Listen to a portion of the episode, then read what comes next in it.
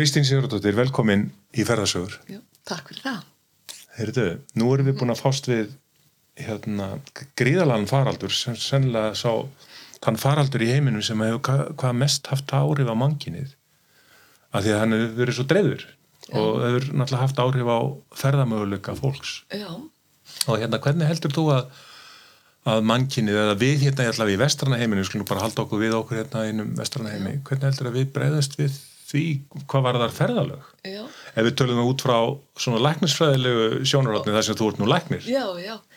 Ég held að fólk hafi verið í alls konar ferðalagi í samband við henni faraldur Hmm. og, og mér langar fyrst að segja, í mínum huga þá er kannski faraldurinn ekki þarna það sem að er um, svona fordæmalaust og þess að var svo mikið tala um fordæmalausa tíma að mér finnst kannski frekar nútíminn vera fordæmalaus, hvað hefur margt breyst hjá okkur í nútímanum. En varðandi faraldurinn að þá er það þannig að farsóttir og, og þarna faraldrar og síkingar hafa fyllt mannkynning frá upphafi en svo þróaðist nútíminn svo hratt að við bara glemdum því. Og ég held einmitt á þessum tíma að núna þegar heimsfaraldurinn let okkur hæja á að þá eru alls konar ferðalöf sem hafa farið í gang þó við höfum ekki verið að fara til útlanda.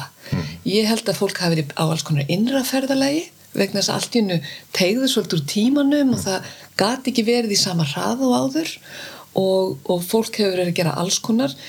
Þannig að það byrjar á innri ferðalögum og svo heldur það áfram að vera til mis á þessum innanlands ferðalögum, við munum vera með innri ferðalag okkar eigið og svo vegferðinni sem er sem sagt, bæði þar sem við búum og fólk, sumir ferðust heima hjá sér um páskuna og sumir segist að hafa átt bestu jólin í róliheitunum heima.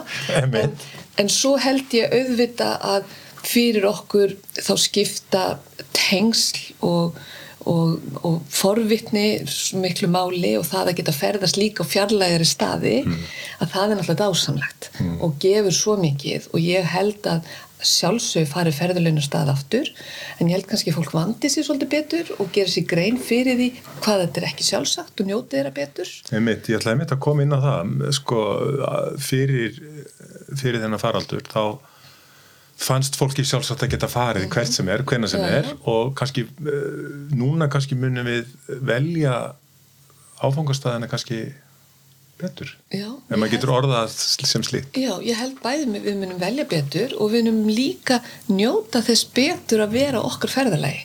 Vegna þess að það er búið að minna okkur á að það er ekkit sjálfsagt. Nútíminn þróast bara gerði svo hratt og það varði allt í unni sjálfsagt og roslauðveld og þarna, en það breyttist og, og það má líka vera með vaksandi loftlaslínun og svo framvegis að fólk er líka að hugsa um umhverfið að sjálfsög og við verðum að gera það að þá líka vandið að sé svolítið betur.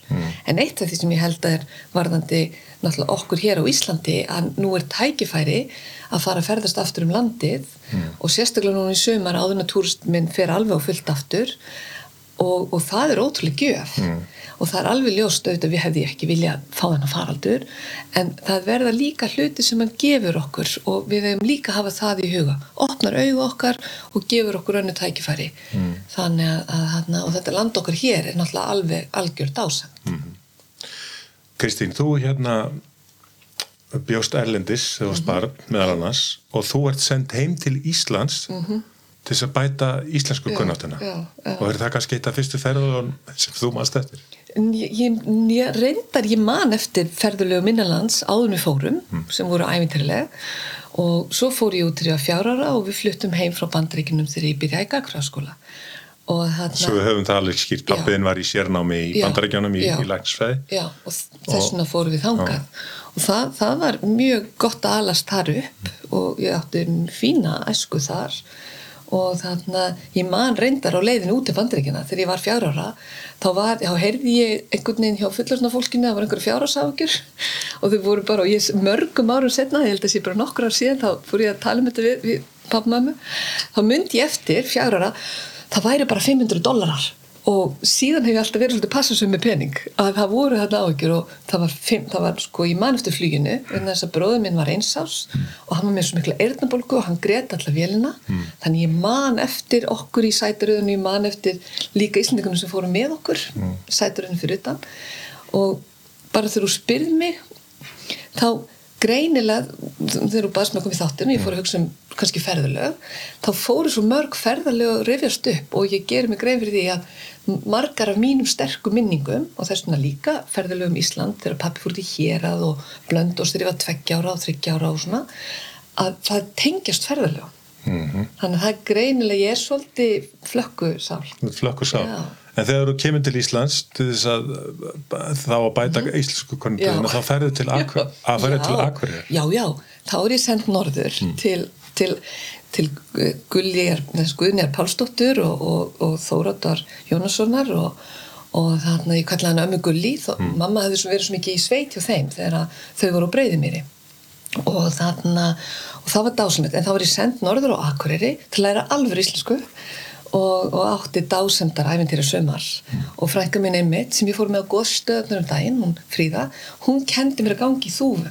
Það er enn verið að hlæja að þessari litlu bandarísku stelpur sem kom kunni ekki að gangi þúfum og, og kunni ein, mjög einfalt barnamál íslenskt og, og þarna meiri sem var það þannig þegar ég var einhvern veginn úti í Ameríku útvarpi baðum viðtal, úti ég var íslensku baðum að segja eitthvað að, að þá var það eina sem ég kunni að segja var rómusku rittari reyðin í Rómborg rendi þar að ruppla út að það var einhverja æfingar sem að einhver, hefði þurft að gera allir ná errónum og, fólk bara var sata eftir bara já, er íslenskan svona?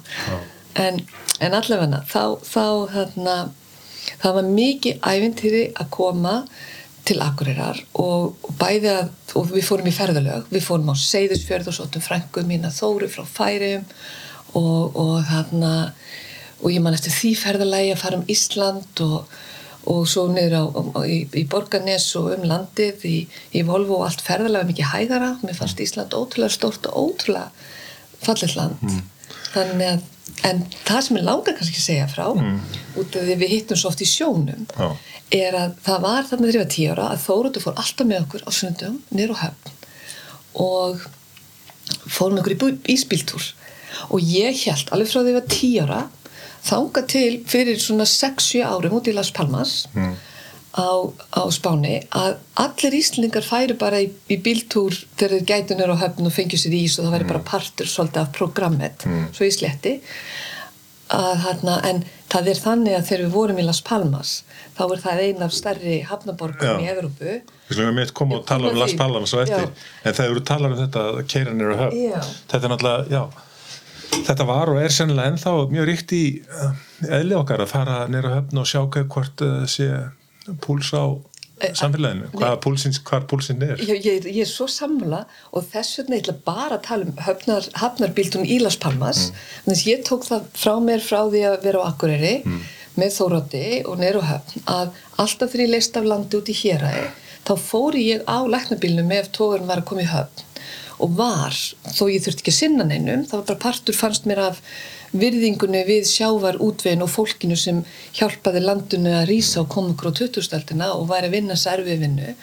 Þannig að ég hef alltaf tengst hafinu og, og svo líka svona þegar ég fór að kenna í stýrimannaskólum í Læknisfræðin og Sæbjörgu í, í, eftir útskrift slísvartins sjómanna þetta er svona, ég hef alltaf haft þessi tengsl og það var bara þetta sem ég ætla að læðin með hafnarúndin í Las Palmas og þetta er ein af stærstu þarna, höfnum í Evrópu, stóri mm. umskipinu höfn milli Evrópu og Afríku og Suður-Ameríku að við fórum líka með alla Íslandingar sem kom í heimsókn á Hafnarún og það var ekki fyrir alveg í lokin að var, voru einhverju sem sögðu kannski 40 steg að hita að fara svona marga, marga, marga kílómetra á höfninni er ekkit kannski alveg hérna í uppáldi hjá þeim. Þá gerði ég mig grein fyrir að, að það verið kannski ekki alveg allir Íslandingar. Nei. En áður við hérna, höldum til Las Palmas sem margir Íslendingar þekkja af, af, af einrun og bara kanar í eiga yfirleitt að þá hefur þið svona bara til þess að aðeins, við sjáum aðeins hvaða bakgrunn hefur. Þú er búin að búa í fjölmörgum löndum. Já, og áður en að eh, þú ferð eh, sem útlærður læknir í bráðalækningum já, þá náttúrulega ferði þitt sérnám og þú Já. er stundar það í Breitlandi og, og, meðal annars í Bandaríkjunum. Nei, ég var í Breitlandi, í- ég fór einhverju ráðstöfnur bandaríkina, já. í Slis og Bráða, en ég var bæði í Newcastle og í London, Mm. í, í, í sérnáminu. Já, hvernig kom Newcastle þegar fyrir sjónir? Gamall? Bara, það var geggjað. Það var mjög, það var svona up and coming svolítið eins og þeir sögðu þarna breytanir og mér fannst ótrúlega gaman og maður upplifir það svolítið, maður er að taka lestina frá London og uppbyttir, smá samar byrjar að breytast og maður fer á svæðinu og York er náttúrulega Jórðvík, mm. ég minna, mann man er mynd á það að vikingarnir voru þarna og bæjarnöfnum breytast og meira sem þeim er komin upp til Newcastle mm. að þá er það þannig að það er tungumál sem heitir Geordie og breytarnir skilja það ekki, englendingarnir skilja ekki þetta tungumál, mm. en við íslendingarnir þú tekur bara svona skandinavsku mm. hrærir hennu með ennsku setur svolítið skandinavskan hreim og þá skilur svolítið þessu skrítna tungumál Geordie. Geordie, hefur þetta eitthvað, eitthvað tengingu wælsku þá eða? Nei, þetta er miklu frekar þessi blanda þegar vikingarnir komu niðrittis mm og, og þarna ekki svo ég viti ég veit ekki til þess að hún sé að blanda og náttúrulega skoskan sömnda þessu bern er barn og allt þetta. Og það er einsetning sem ég mann svo vel eina af þessum fyrstu sem ég heyrði hóiða hinn er henni. Þarna, þetta er svona, bara réttum er hann er vinnur og fyrir stafsetningunum þá er þetta eins. Og einu sinni var ég á veitingastað og Sigur Dránsónu minn elsti þurfti að, að pissa sem var ekki tilgum mál en ég bara spurði ég á þetta pissa, var eitthvað hérna, stólum og þá þarna þagnar borðin í kringum mig. Og þá til mér pissa líka pissa þarna nema þá er það svolítið dónalega einhvern veginn. Já, já. þannig að var man, þetta bara svona fólk, fólk fannst þetta ekki, maður átti ekki verið að segja þetta á veitingastað og eitthvað. En, það, en, en breytir er líka svo allt allt öðruvísi að það, það var svolítið skrítið þó að það, mér fannst þetta indislutími og þetta var frábært að vinna í Breitlandi mm. til kunna að fara eftir guidelines og protokól og, og faglega frábærir en en það er úr erfitt að fara út fyrir og, og þetta með að börnin borða á undan kannski kl. 5, fór svo bara svo kl. 7 og svo borða fullöðna fólkið og, og, og svona þetta gamla veist, children are to be seen and not heard mm.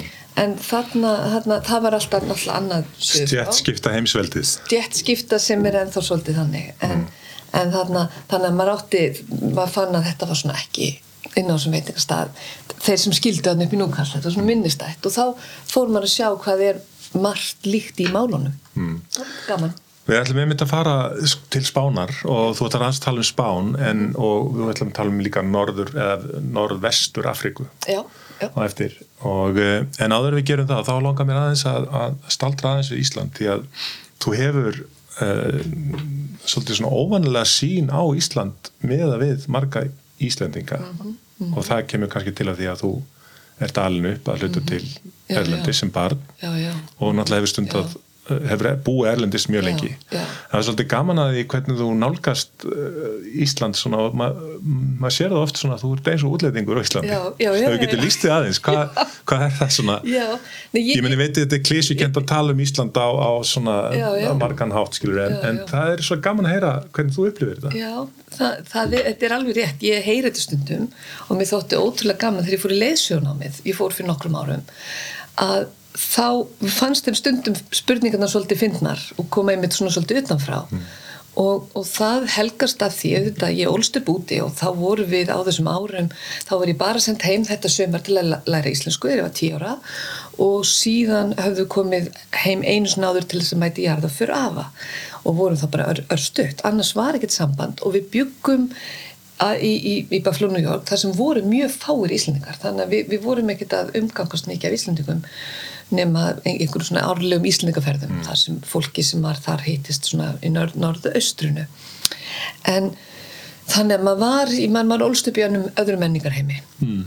og, og þarna og talandum það, ég minna talandum áhrif menn, ég minna ég ólst upp við það að stand verið í skólarstofunum að bara I pledge allegiance to the flag of the United States of America mm -hmm. og allt þetta, ég minna maður var alveg þar í uppeldunum en svo sem sagt þegar ég kom heim þá var ég mótráa fyrst, mér langaði alltaf heim þegar ég var, þegar ég var barn en svo þegar ég var um úrlingur þá náttúrulega vildi ég ekki lengur fara til Íslands og ég ætlaði ekkert að vera hérna.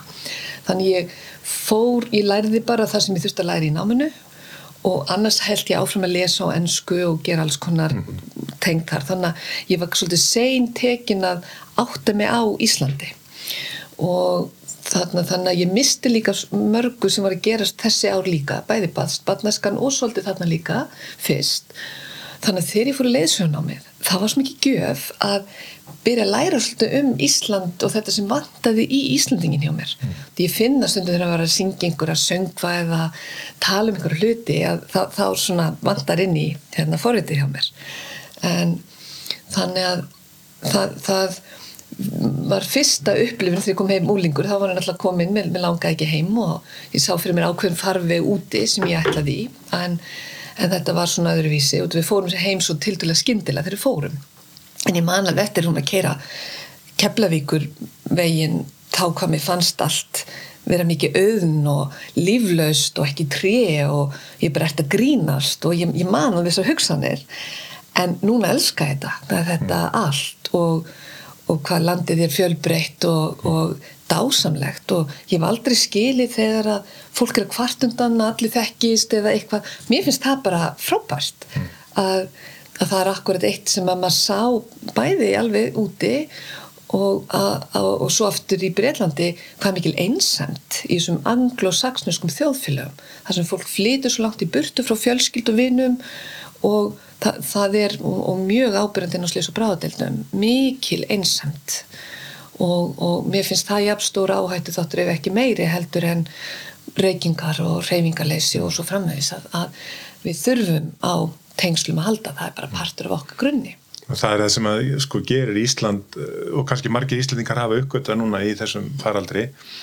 Og við höfum þurft að vera hérna uppgötta Ísland kannski svolítið annan átt og eins og þú segir sko að þessi aðgangur að náttúru Já. sem að er, ef við tökum bara frá Reykjavík Já. er ótrúlegur. Já. Ég menna að það tekur okkur kortið 20 mínútur að komast í bara guðskarana náttúru sem að myndi taka jáfnveil klukkutíma, marga klukkutíma jáfnveil daga fyrir að stærri þjóðir að komast í Já, algjörlega, þetta er, við erum ótrúlega heppið með þetta, að mm. hafa þetta vegna þess að, að við, við sjáum nánast út um gluggan annarkvort haf sjóin eða fjöllin eða e e eitthvað og, og svo svo stutt að fara í svo fjölbreytt landslag. Og þetta er svo nýtt og þetta er mikil orka í, í náttúrun okkar. Mm. Og ég verða að fá læði inn. Mér finnst það alveg tengist ferðarsögum ég, ég er líka læknur ég er alltaf að að hendur einhverju forvarnar fræjum en nýja uppáhaldsorði mitt og ég er alltaf í orðaleik það kannski líka þessi flakkumilli tungumála ennskunar, íslenskunar, spænskunar og smá fransku hefur einhvern veginn ítt undir það ég horfi svo ofta á orðin. En nýja uppáhaldsorði mitt eða já, linda svo mörgu uppáhalds en er náttúruleysi. Mm -hmm. og það er mín þýðing á nature deficit disorder. Og mér finnst það að við erum, þegar ég tala um tengsl, við þurfum að vera tengd okkur sjálfu, tengd öðru fólki og tengd umhverjum okkar. Og það skiptir okkur máli um umhverfið og na, þetta skiptir okkur ekki bara máli þannig okkur, jújú, jú, við finnum að okkur líður vel en okkur, það hvað okkur líður vel út í náttúrunni er náttúrulega endur spekla þessi jákvæði áhrif á andlega helsu og líkamlega helsu einfallega líf eðlisfræðilega skiptir það okkur máli að vera í tengslum við alveru náttúru. Og, og, þarna, og það er alltaf það er svona vaksandi vísindi að koma fram í læknavísundunum sem er að styðja það. Að það, það er svo margt í læknavísundunum gömul viska sem við vitum en við þurfum satt að sanna það til að geta breytt afstuð og allt áhrif á stjórnmálum þannig að ég læti þessu inn ef einhvers líkur skildi við Náttúruleysi. Náttúruleysi og það er bara áhættu að þáttur á heilsu að mínu viti mm. eins og reykingar eða reyfingaleysi mm. eða einsamt mm. Þú flysti spánar. Já. Og uh, til Kanaríja já. margir íslingar farið í frí til Kanaríja en þú flyttur þangað og þú starfar þar á samt eigimannin þínum. Mm -hmm. segja okkur aðeins frá bara Las Palmas, þú bjóst í Las Palmas og hérna það er kannski ekki margir íslendingar sem fara til Las Palmas nema þá bara í einn dag eða eitthvað akkurat, akkurat. en um, fyrir að vista, hvað hva kom til að Já. þú flyttur til? Þa, það sagt, var þannig að uppaflega þá hafði maður minn farið úr sínu starfi og, og, og fínu karriér og farið með mér til, til Englands og svo voru komin heim og ráðsett og, og komin og með strákana og karriérinn og eitthvað, ég var komin í mína svona fólk gett mína framtíðstöðu, kennslustjóri á slís og bráðdeldinu og eitthvað bara svona einhvern veginn, allt setlað og með, þú veist, með bíl og raðhús og þetta mm. þessi pakki en síðan kom hann heim og við varum nýbúin að kaupa skýði fyrir strákana, litlu og þá er orðinni fimm ára og, og þarna við hefum einmitt verið heima þarna í fimm ár og, og ætlum að fara að skýða og við erum nýbúin að kaupa sagt nýtt á alla til að fara að byrja og, og þarna þá kemur hann heim og segir, heyrðu, hvernig líst þér á að fara til Kanari? Og ég skildi ekki alveg, við höfum ekkert beinleins farið til Sólalanda áður, það er það sem ég sá fyrir mér og ég spurði bara, er ekki ung? Svona að fyrsta, hérna og, og þá sagði hann, nei, ég, er ekki meini frí, ég meina bara til að flytja og þannig að ég var alveg til í það það var svolítið annars vegar það að þetta voru árunum hérna fyrir hrun. Það var korti fyrir hrun sem við hlutum og eftir ég kom frá Breitlandi og ég hafði verið burt í fimm ár og ég var bara, þegar ég kom að slýsa bara á deltunum ég kom í þjóðfæli, ég var bara, hvað gerðist fyrir litla sakleysa Ísland? Hvað er landið mitt? Og einn á deilt þá upplýði svo mikið meira ofbeldi og eitthulifi vandavæð og alls konar sem hafði ágjast á þessum tíma. Og, og svo græðkisvæðinguna sem ég, ég upplifði og, og, þarna, og þannig að varðandi strákana var ég svo ofbásla til í að fara og gefa yngri drengunum, stóri náttúrulega var með minningar frá Englandi og annan kultúr en ekki yngri og ég var svo til í að gefa þeim annan kultúrs, önnur gildi þannig að, að þetta var svona stóra ástæðin sem ég fór og hinn var svo að það var aldrei góðæri á spítalunum í helbriðskerfunu Á Íslandi? Á Íslandi. Ég byrjaði að upplifa það sem læknanemi að það ætti alltaf að spara. Þá var alltaf verið að leggja niður góð teimi sem var búið að byggja upp og gott starf og það fór svo mikil orki að verja eitthvað og þurfa að byggja svo aftur upp og nýtt og eitthvað svona. Þannig að það var margt sem ég var í raun og veru ósátt við mm. og þegar það var alltaf verið að segja við getum samin að deildir sem þýtti þá bara að fækka rúmum og fækka starfsfólki og, það, og, og svo var verið að segja það bytnar ekki þjóðnustun en, en víst gerði það það. Mér fannst bara ekki rétt að horfa upp á það, það er bara að tala um hlutina reynd út, segja bara við kynum spara pening en það þýðir þá þetta þá bara segja hlutina, kalla hlutina réttu nöfnum. Þannig ég var alveg til líka að fara í burtu um tíma svo ætlaði ég bara að koma aftur heim og velja bara verkefni mín í þau kem aftur. Þannig að ég var svo til ég að fara í þetta æfintýri um tíma og, og kynast nýju menningar heim og nýtt tungumál og þetta var frábært tími og á, á, á flestanhátt þannig að, að, að, að það var mikil mikið gjöfi, mjög þakklátt að við fórum hérna sögur til Las Palmas. Algjörlega og eftir og ég segi alltaf við byggum í Las Palmas vegna þess að þeir eru fórum að fá Íslendingan í heimsó til okkar þá, þá voru meðal annars vini mínir sem, sem komu og sagðu Kristinn þú verður að hætta að segja að þú búið nýra á Kanari vegna þess að auðvita vitum við þú hlýtur eiga eitthvað lífið þar og sért að vinna og gera og allt það en við höfum alltaf séð fyrir okkur þú væri þá bara á hótelinu og drekka hérna pínu kolata eða á strandinu eða einhverju svona veröld eins og er söðu frá en þegar við komum og sáum hvað við byggum og þetta, bara, þetta spænska líf sem við livðum mm. og við völdum það það voru sömur íslendingar sem völdu það að búa söðu frá og, og þarna þó við verðum að vinna í höfuborginni í Las Palmas, það er 40 minna ferðalag mm. en við völdum strax að búa í spænska í borginni í, og fara strax með strákana í, í skóla og þann, þannig og kynast spænsku lífi og taka fullum þátt. Þannig ég fór bara fyrst í skóla að læra spænsku og, og, hana, og við bara komum okkur inn í þjóðfélagið. Mm. og það var náttúrulega dásemt og úti og myndist á England.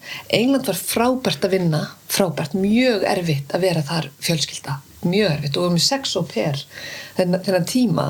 Á þessum tíma sem varst í Breitlandi. í Breitlandi og það leiði heilt ár þegar Sigur Þrán heyrði mig tala við, við Breit út, ég var alltaf í vinnunni mm. og hann sagði bara við mig hann að mamma, kanntu að tala ennsku og, og, og, og þá hefði hann bara ekki heyrt mig. Þetta, það var svo mikil vinna og meiris að óperunar vestluðu, þú veist, ég vissi ekki mm. hvað búðin, er, ég kom staðið þannig eftir ára hún var í fimm minútinu gungufæri mm en, en það, þetta var og fólki sem kom að heimsókjökur þessi ár í Englandi ég veit ekki hverjir heimsótt okkur. Mm. þannig að ég bara misti af fólkinu bara vaktirnar og við, viðurinn og spítalunum en það var líka svo mikið gefðan að sögja frá. Ég var bæði að gera með öllum strákunum það sem óperunar hefðu gert, verið að gera með stóru strákunum þegar vorum við í Englandi. Og líka ég man eftir öllum sem heimsóttum okkur og gæti mm. tekið þátt í lífinu með þeim þannig að þetta var allt, alltaf þannig tími. Söður Evrópa eða miðar Hafslöndin Já. það þarf eiginlega ekkit auper þar. Nei, nei. Að því afstæða þeirra til fjölskyldunar Já, já, já. er allt allt önnur heldur en okkur hér sem búum norðarlega. Þar að segja að það er afslappað þeirra andrusloft og fjölskyldan er númer 1, 2 og 3 Já. en ekki vinnan já, sem að þeir eh, vinna til að lifa. Já, nei, það, það er þannig. Það er algjörlega þannig og það, það er fjölskyldan og vinir og það var svo mikið mótsögn. Eftir að við fórum í Breitlandi þegar við fórum í Ammali þá kom hann með með, með sem eða það bat sem var að fara í sagt klukkan tvö og sótt hann klukkan tíu minnundur í fjögur eða það sem stóð, bara nákvæmlega, voru allir á mínútunni. Þarna söðu frá þegar voru batnamali þá ætlum við að gera þetta sama fara þá með þann sem var búið í amali og skilja hann eftir og koma svo að sækja hann en við lettum alveg vandra menningunum munum var svo stór. Við mættum og þá fyrst kom byrju allir þykja að koma líka? Og, og allir ekki bræður hans að koma líka? Þa, það, það var öll, allir fjölskyldinu búið við Já. og svo þegar við spyrum hvenar við að koma að sækja? Við heldum þetta væri eins og í Breitlanda að þú ættir að sækja einhverjum einu ákveðnum punkti. Þá kom, já, bara, þetta er viljið. Og, og, við, og þetta var kannski búið í hátdeinu og þá kom, svo, þá kom klokkan tvö eða þrjú, já, eða setna já, það var bara, voru bara allir mættir og það var, var verið að hittast og, og lífið gengur út á á að hitta fólk Er það rétt skilja mér? Þetta var svolítið íslenskt Sko mikk, nei þetta var, nei, þetta var sko Ís... nei, ég verði að segja Bretlandir hérna Já. Í, og, semst, og svo voru Íslandingar kannski í miðjunni, Já. það er heilmikið sem við erum að hittast fjölskyldunar en þetta var svo langt út fyrir. já. og þetta var líka þannig þetta íslenska þegar börnum koma inn og ganga fram hjá öllum og hels ekki og í herbyggju loka það var ekki þekkt, börnum komu kistum mann á kinnina og, og báð, sem sagt, ef það voru kona þeir kistum mann allir og, og menn tóku þeir í hendunar og svo settust þau bara hjá mann í sófanum og þ- það var ekki þessi aðskilnaður. Þa, þetta var þannig að þetta var mjög sagt að- mjög skemmtilegt. Og þegar vinir þegar Sigurður var táningur og vinars voru komið frá Íslandi það var bara, heyrðu ég vil hafa þetta svona á Íslandi. Þa, þá, þá voru var, það, það er miklu opnara og, og þarna og það er bara dásamlegt að upplifa það. Íslandingar þurfa því miður stundum að vera búin að fá sér aðeins svona einhver svona Já. til að aðeins Opna fyrir hjarta sitt. Já, En þetta kemur kannski til að því að því við erum með mynd hérna af Marju May. Að þeir eru svo tengdir síni, sínum trúabröðum í áspáni sem sagt katholikar og Marja May er þar aðalgiðjan og hér erum við með mynd mitt frá Las Palmas af einhverju hátíð sem þú varst á. Já. Getur satt okkur frá þessu hátíð? já, já, já, já. Það, það var þannig þegar við vorum bara nýkomin að þá var eitthvað strax bóðið í, í þorp með, þá var það einmitt þannig að stóru strákun eignast vin og bara pappans bauð okkur allir fjölskyldinu og við bara gistum hjá þeim upp í þorpi og það er svona Rómaría og við heldum þetta væri eitthvað sem væri svona einstakt og þá komur í ljós að þetta var þakklætisganga og þar var verið að þakka Marju mei og fyrir það að hafa fyrir 200 árum bjargað eiginni þegar lókustarnir, þessi risastóru lókustar komið frá Afriku og þá Lókustar? lókustar, grasshoppers þarna, Já, þú ert að tala um engisprettur, já. bara- en þessar risastóru Já, já, já. ég sá bara einu sinni þegar einhvern tíma fauk yfir frá Afriku og ég held að vera fugl og Þetta er svona fara- upp- fara- faraldur. já, og það komu faraldrar og það komu ennþá, en það hefur ekki komið svona risa stór nýlega en það komu stundum faraldrar og maður sá þetta en, en þeir, þeir eru risa stóri og þegar það kom fyrir 200 árum þá va- var hættan að þeir myndu bara geta alltaf uppskýrun á eiginu og fólk hefði soltið. En það sem gerðist þarna um nóttina var allt þorpið hefði farið upp á fjall eh, og að byggja upp sína bænir og byggja eh, sagt, að, að, um aðstóð og svo kom úrhellisrytning og þá drápust þeir og uppskýran bjargaðist þannig að þannig erum við útlendingarnir og við þekkjum þetta fólk eiginlega ekki. Foreldrar vinar stráksins í bekk með, sagt, það var náttúrulega 97% spánverja í skólanum. Og þá buð okkur og þannig að við gistum hjá þeim og við tókum þátt í hátíðaldunum og við byrjum á því að slá júklifstustrem eins og þeir eru búin að gera í 200 ár við trumpuslátt í 5 tíma göngu upp fjall og svo var komið neyri í bæ og svona fjasta og, og þarna og þar, þar komu, þá tóku þeir einmitt líkneskinn sín, öll þorp eiga líkneskinn sín sem eru með í kirkjunni allt árið. En svo einu svona ári er farið út og farið í þakkargöngu og bænagöngu um þorpið. Og þannig var þetta í þessu þorpi. Og þá held þetta að vera bara einhvern veginn búið og eitthvað svona þessar hátir nei, nei, svo komið ljós að það var í hverju þorpi, hverju einustu viku það voru alltaf einhverjir að þakka fyrir e- eitthvað, þetta eru hjá sumum er þetta gífurlega trúagangur en hjá mörgum en þess að þau eru ekki jafn trúið þegar þau voru margir og ekki yngra fólkið allt mm. þá er þetta samt þakklætisgöngur og það sem þú ert að hitta líka fjölskyld og vini og þorpið þitt og þannig að þetta verður einhvers konar sam samvera mm. enda að vera saman tengir fólk saman Tenging, mm. svo, og þess vegna horfi ég svo stert á tengsl þannig að dölin mín hérna, ég hugsið alltaf á spænsku hérna, tókar mér korasón dölin mín á spáni, hún snerti hjarta mitt svo mm. djúft mm. og ég held að hjarta mitt hafi verið svona opnara síðan, ég, það hefur alltaf verið, verið svolítið grönt -hmm. á því en, en en það er einhvern veginn, það er þetta og maður lærði það eftir þessa fyrstu viku mm. að að þegar maður, maður átt að sjá þetta er svona og þetta er allstæðar og það eru síndastundum sumt að þessum hátíðum frá spáni. Ég kom í fréttum hinga og þongað en þetta er alltaf í gangi, það eru allir í sínum þakklættis vegferð Þetta er eitthvað sem við ættum kannski að taka upp að þakka fyrir ég, í einu sinu mánuði sapnast saman já, í miðbæri Reykjavíkur eða í, mið, eða í öllum, já, öllum kaupstöðum landsins já. og þakka fyrir heilbriðiskerfið það, það er bara hugmynd, þetta er dásamli hugmynd. Já, við getum kannski notað freyju í staðin fyrir Marju bara, hérna, sem ták þakklætisins. Bara, bara mjög skemmtileg hugmynd að bara gera þetta okkar og minn okkur á, ekki bara dettin í hraða lífsins eftir COVID og gleima svolítið aftur og já. fara svo rætt fram hjá og við tökum ekki eftir öllu því frábæri kringum okkur. Og kvarta yfir öllu. Já, já við, það, er, það er svo margt sem við höfum svo gott. Já, en hérna, hérna eru við til og með mynd af það sem þú, þú bjóst já. í Las Palmas og, og hérna hafði þér útsýni yfir höfnina.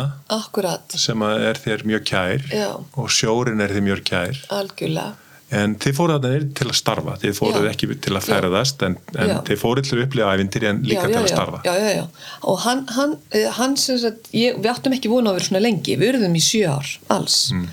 og, og hann fór út af því að það var vinna sem var alveg bara, já, sem var alveg sníðin að honum. Og hann einmitt er, var mér fannst það svo skemmtilegt. Þegar ég kynntist um uppilega var hann á sjónum og enn eitt sem hafi tengi og mér þótti það mjög spennandi mm. en þarna en allavega þannig að hann, hann var í vinnu sem var bara mjög skemmtilega en hann var löngu komin í land og, mm. og, og en, en fannst gott að hafa þessi tengsl en ég út á hvað snerir svo vinna þegar Já, hann var að vinna hjá eitt af sjáurðusfyrirtækjunum sem voru að veiða þarna í já, undanströndum Afríku, Afríku. Og, og þessu höfn þarna þarna sjáum við af sölunum okkar og það var svo skondið þegar hann var út að velja íbúða áður en ég kom, hann sagði, heyrðu við sjáum sjóin hmm. og ég ímyndaði mér þá sjóin pálmatri og, og, og svona sandin og ég sagði bara já já frábært ef við sjá, sjáum sjóun þetta er bara hljómar, þetta er frábært. Svo kom ég og sá að hann valdi hlýðina sem snýrað höfninni og gámunum sem ég fannst svolítið fyndið. Hinnum einn var útsýni til út af þetta var á Tanga Las Palmas er á Tanga. Mm. þar var þessi 7 km verðlunum strönd þar sem er besta veðrið í heimi. Besta veðrið í heimi var í 800 metrum frá því það sem við byggum samkvæmt Wikipedia fyrir mannfólk út af svo temprað loftslæð og loftslæð er yfirleitt mjög temprað og bara í kringum 20-25 stað hitta með svona staðarvindum þarna norður frá mm. í spænska hlutunum en þarna e-, erum við að horfa úr af svölunum í áttahöfninni og hún er þannig að þú sér þarna Kalíma þetta er svolítið svona mistur mm. við fengum stundum og þá fór hitin upp í 40 steg við fengum stundum þess að vind frá Sahara þarna sérðu Sahara sandin sem gerir það verður svona mistur yfir öllu Já. margir íslingar sem kannast við þetta sem Já. að vera á Kanaríum koma þessi sandstormar frá, frá Já. Sahara en hérna sko matur Já, já það er eitt af því sem að til er í ferðalögum og hérna algjörlega. ef til vill margir íslingar sem fara til Spánar þekkja spænskan mat en, en er hann eitthvað frábriðin maturinn á Kanaríum og á, me á meilandi Spánar? Nei, kanari maturinn er svo blandaður af mörgum hérum frá Spáni. Og til mér þannig eru, eru þessar vinkonu mínar og þær eru annarkvort eru þær sjálfar frá kanari eða eiginmaðurinn vegna þess að þá er einhver farið upp á meilandið í skóla eða kynst og þannig að við og komið síðan og ákveðið að búa þarna. Þannig að við þekktum líka og þetta var eiginlega gildum eiginlega flest alla spánvinni sem við kynntumst. Þannig að við kynntumst mataræðinu líka frá öllum hér um spánar. Þannig að fólk var með þetta í bland og svo rifist þar um hvernig að búa til gabassi og súpinu hvort það eins og í Andalúsi eða, eða Galesi eða hvernig sem það væri og það var eitthvað réttur átt en, en þannig að það sem maturinn var það var mjög mikil fjölbrytileiki og hann er þannig í, í matnum og við, það er eitthvað sem heitir píkar þú bara tínir þú tínir af matnum. Það er ekki þannig eins og maður fær bara eitt disk sem maður á fyrir sig að þannig er það þannig að það er verið að tína svona saman og smakka og hann er mjög fjölbreyttur. Það er menn taka af einn í skál. Já, það eru marga skálar, það Já, er já. bara pantað alltaf fyrir allt borðið eða út heima borðið með einhverjum, það er bara komið með svona og svo bara svona smáréttir, já. Já, mikið af slíku.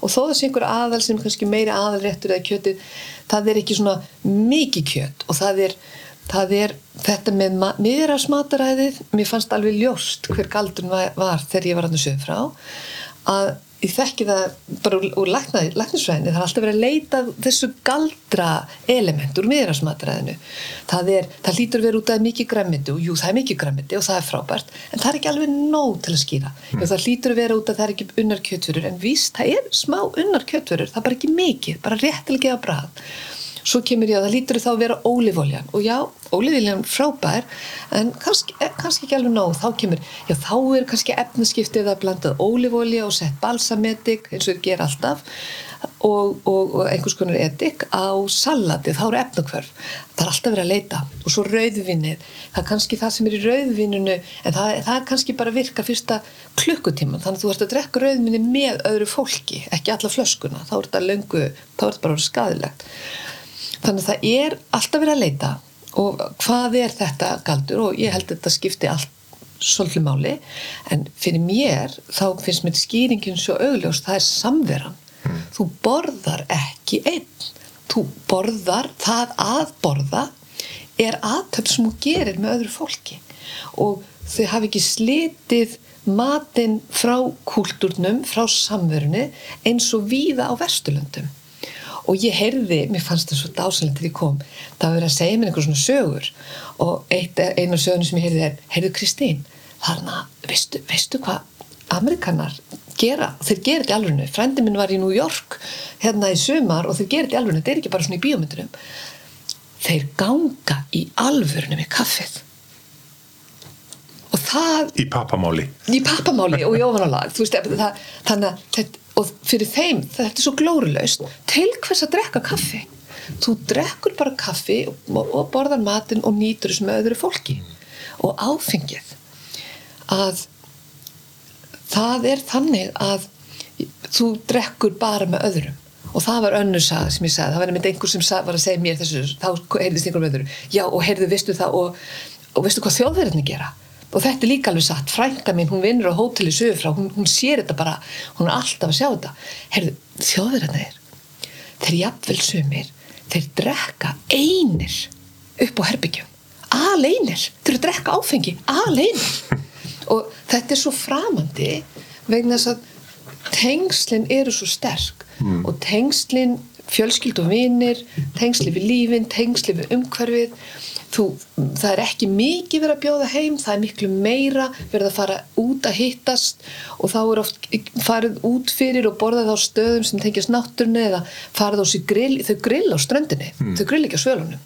Þau fara út upp í skó og grilla saman það eru byggðir grillstaðir út um allt og inn í görðunum Þú líka ert að tala um í. Las Palmas þá Já, já, í Las Palmas kynntist þau líka upp á Spánu og við ferðum svolítið þar bæði með vinum okkar og daldi líka, við fórum í, með fótboltunum með strákunum þannig að, að þarna þannig að þá er bara byggð svona grill úti bæði innan kannski dagurlista bara við hérna, þetta er hugmynd að, að hérna, neð þú eru byggð svona grill og inn í almennsgörðunum og svona sérstakki staðir sem fólk gata bara farið með fjölskylduna og mætt og grillað og átt góða stundir úti.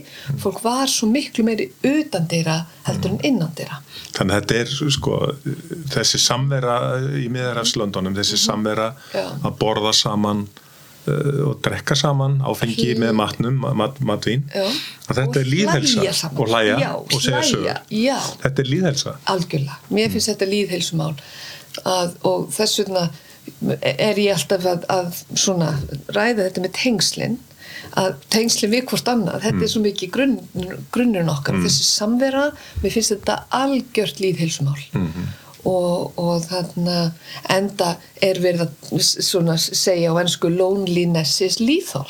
Það er að verða svona nýrfrasi. Það, það þarf að gæta samverunni og út af því þú byrjar að minnast á COVID, þá langar mér bara að minna aftur á að og hvað þá það kemur kannski annar heimsfaraldur aftur, að, að það er alveg við því að búast eins og við erum að þrengja náttúrunni. Það eigur hættun á því varðandi að það komist frá uh, dýrum yfir í menn, en þá er það þetta, ég vildi þegar hefðu kallað þetta social, eh, ekki social distancing eh, heldur physical distancing. Og við þurfum að vera fjarlæg um tíma líkamlega en aldrei í okkar svona vera í okkar svona samveru. Ég er að leita hérna, já, fann hérna mynd Já. sem þú komst með. Já, af skipi sem heitir Esperanza. Já, já. Og uh, þessi mynd tengist eitthvað þér, Já. þetta skip. Já, já, það tengist þér eitthvað, eitthvað getur líst í að hvað, hvað er að gerast hvað, hvað, akkur Esperanza og, já. Fyrst verð ég að segja að nafngiftin er svo ótrúlega falleg. Þannig er Esperanza inn í Las Palmas, þarna fyrir framann höfnin og við um heimann einhverstaðar upp á hæð. En Esperanza del Mar er von, sem sagt, í hafsins. De, mar er náttúrulega hafið Hafið. og Esperanza er von. Og, og vonin er svo mikilvæg og þetta er eitt af spítalaskipunum þeirra og það, hún, heimahöfnin er var Las Palmas og, og er held ég öruglega ennþá. Og hún, þetta var upphaflega var þetta fyrir spánverjana fyrir öll skipin sem eru að veiðum þarna, þarna og undan ströndum Afríku. Mm. Það er svo, svo gjöful mið undan ströndum Máritanju og bæði sunnar og norðar yfir frá vestu Sahar og svo framvegs. Þannig að spánverjum voru með þetta skip til þess að geta sint að slösum sjómanum. Svo minkaði veiði spánverjana þannig að meðal annars er þetta eitthvað sem að ég, ég fór um borð og var að kynna mér hvenar við gætum nýtt hana þegar ég fór í vinna fyrir Íslensk útgerðnar. Mm. Þannig að þetta er spítalaskip. Þetta er spítalaskip og þetta er hrikalega flott spítalaskip. Og þannig að við gætum verið heila dag já, myndir innan úr á aðstöðunni en, og þannig var meðal hans lækni sem var kallað La Machina sem vélinn það var svo öflugur og kunnalt og gætt bjargað öllu. En, en, þarna var þetta upplæðlega fyrir þá, þá Las Palmas og niður við Afrikustendur og, og, og svo sildi hún aftur upp og svo til Las Palmas að ferma aftur og koma með þá sjúku. En þarna var þyrluparlur og líka skip þess að sækja í skipin sem, sagt, sem þeir voru með. Og, og, þetta var af öllum gæðum og þau voru líka bæði tengd inn í Madrid ef þið þurfti einhverja sérstaka aðstóð það var hægt að senda ómskoðunir og alls konar og gera litlar aðgerðar og mjög flott. Og þarna en það sem er svo sorglegt við þetta skip er það að verkefnin breytust með tímanum þannig að þeir voru líka að koma með þá sem voru að bjarga sem voru að flýja frá Afríku á litlbátunum og tala um flottamenn frá Afríku. Flottumenn frá Afríku, þeir komið þarna stundum til Afríku, neð til Las Palmas segja og stundum náðu skipin alla leið til Kanaríja eða norður í Míðirahafið yfir, þar yfir en, en það var líka því miður að, að sum skip komust aldrei og það voru rosaleg þrengs og sum sukku og það var mikil sorg. Þannig að þá var þetta skip að reyna að bjarga því fólki. Komst þú í kynni, bein, kynni við þetta fólk sem að Þa, það var að flýja frá Afríku yfir, í- í við getum satt innan Evróp inn já, já, já, ég, sko náttúrulega stundum inn í Las Palmas þeir sem komust lifandi. Ég var ekki í, í sagt, ég var fyrst og fremst þegar ég var að vinna þá var ég að aðstóða í sagt, íslensku útgerðina varandi sjómennina. Og eh, en, en hins vegar sámar maður sá emdina stundum þarna niður frá. Maður sá, sá stundum þegar bátunum eru komnir og ein, einhver tíma þegar ég kom þegar var á skipinu þegar kom í höfn þá var mikil sorg í skipinu. Þá voru þið bara með með sem sem búin að skila þeim sem voru lifandi frá sér en, en það áttu eftir að skila hérna frá sér sem voru niðri og þannig að maður, maður upplifði mjög stærst hvað við erum ótrúlega heppin í veströnu samfælagi mm. og þess vegna hef ég ekki alveg viljað tala um að COVID sé fordómalus heldur er það það er ekki það sem er fordómalus heldur er það nútíminn og hvað við breyst margt í nútímanum með okkar mm. og hvað við glemdum mörgu í nútímanum sem við tökum sem sjálfsögum hlut mm.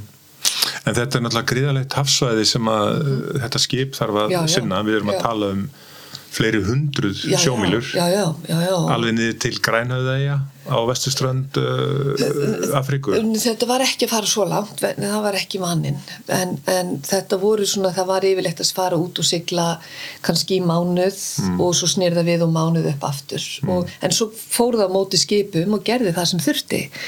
Og það, það var ótrúlega gott að, að hafa samskipti við þessi skip og þau voru aldeilis að bjarga mörgu varandi íslensk útgerðnar ef þau voru þarna mm. en þegar þau voru ekki þegar það var ekki næri þetta var svo stort svæði að það var þess vegna sem ég fór meðal annars til Afriku að taka út heilbríðskerfið sérstaklega í Márintanju Þannig fór bæði inn á þar sem sjómennir fengu vottorinu sín að helsugjæsluna, ég fór inn á, á sagt, stóra spítalan og ég fór inn til Notbu og Noksjött, inn á höfuborgina mm. og var að skoða aðstæður og þessum fór ég til Sahara og það er það sem þessa myndi komu. Mm. Ég er nú bara að fletta þessi gegnum þetta því ég er að, en, ég er bara að leita myndum hérna já. sem að þið, þú varst að senda okkur. Algjörlega, en þetta var í því ferðalagi að þetta er svona slipurinn í Las Palmas. Mm. þar komu skipin í slip á tveggjaru fresti. Þau voru út á miðanum í tvö ár. Áhafnaskipin og fóru til þess að skiptum áhafnir. Á, á, það fór eftir hverju voru að skipta en, en þarna voru um borð íslenskar áhafnir, það voru þjóðir austana, það voru márutanjumenn og það var skiptum út á hafi Áhafnir.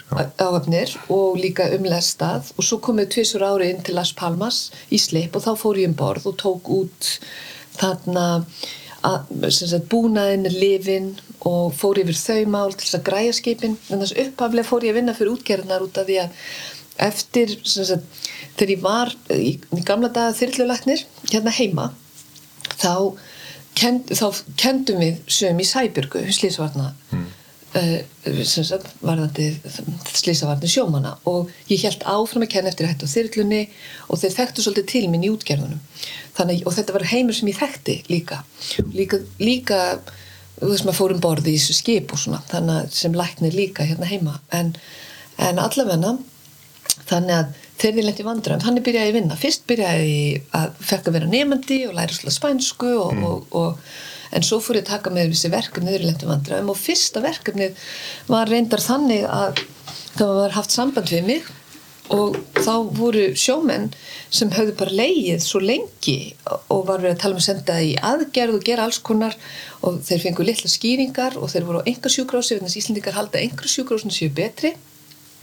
Og en þá þegar ég fór inn í málið þá sá ég það að þeir völdu það frekar að sitja menn í aðgerð og fá kannski miljón fyrir og gefa þeim vökvi æð og lifi æð og þeir væru ekki þýrst ekki bara fastandi og í tíu daga og eitthvað bara svona röggl til að hafa af þeim pening. Já og þeir fengið miklu meiri pening að leggja einhvern inn og senda hann í aðgerð heldur en að sitja kannski bara gifs og þá hefur kannski bara borgað 70.000 fyrir komin og eitthvað í staðan fyrir miljón fyrir síðan vöku, síklifi, æð og aðgerð og eitthvað. Við erum að tala núna um í Afriku Nú er það, nei, nei. er það með Las Palmas. Í Las Palmas? Ójá, ójá En það segja sumir að þegar þú komið þannig söritir þá ertu árðinans nálegt Afriku mm en, en, en Andalúsia og Kanaríjar eru það er vitað að það er svona sísta heilbyrðstjónustur á spáni þar.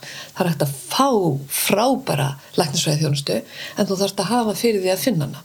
Og þessuna vatta upp vinnanu mín vatta upp á sig vegna þess að, að hana, og sen, konsulin hafði líka samband og ímislegt sem ég var að, að aðstofa með að þarna þegar ég fór að býða myndirnar og ég sagði, heyrðu, ég vil fá sjá, sjá röntgenmyndirnar þá fekk ég kannski bara eina og ég sagði, ég vil fá allar. En þá hafði ekki tekið mynd svona úr þremur hliðum til að sjá hvort að broti verið tilfært eða hvort að þurft að fara í aðgerð. Þannig að það var ekkert þetta afsanna eftir á. Og þarna þannig að ég sá alveg það var að vera að senda menn í óþarfa aðgerðir. Þannig að það fyrsta sem ég gerðist eftir ég kom inn var að slíkt var stoppað og þeir vissu ég kæmi. Og ég leka alls konar hlutverk. Stundum var ég ekkert mjög að sína það að ég kynni spænsku og var komin sem áhörandi og allt var gott. Þá lefði ég bara að sigla áfram. Stundum lefði ég mér þá gæti ég heyrt hvað þeir voru að segja. Þegar hlutinni voru svolítið, þetta var stundum svolítið átök og, að, en, en ég skildi samt og, og ég gæti stundum bara komið inn og, og komið með ráð og hvernig ætlaði að gera þetta? Og ég sá þér ætlaði ekki að gera þetta.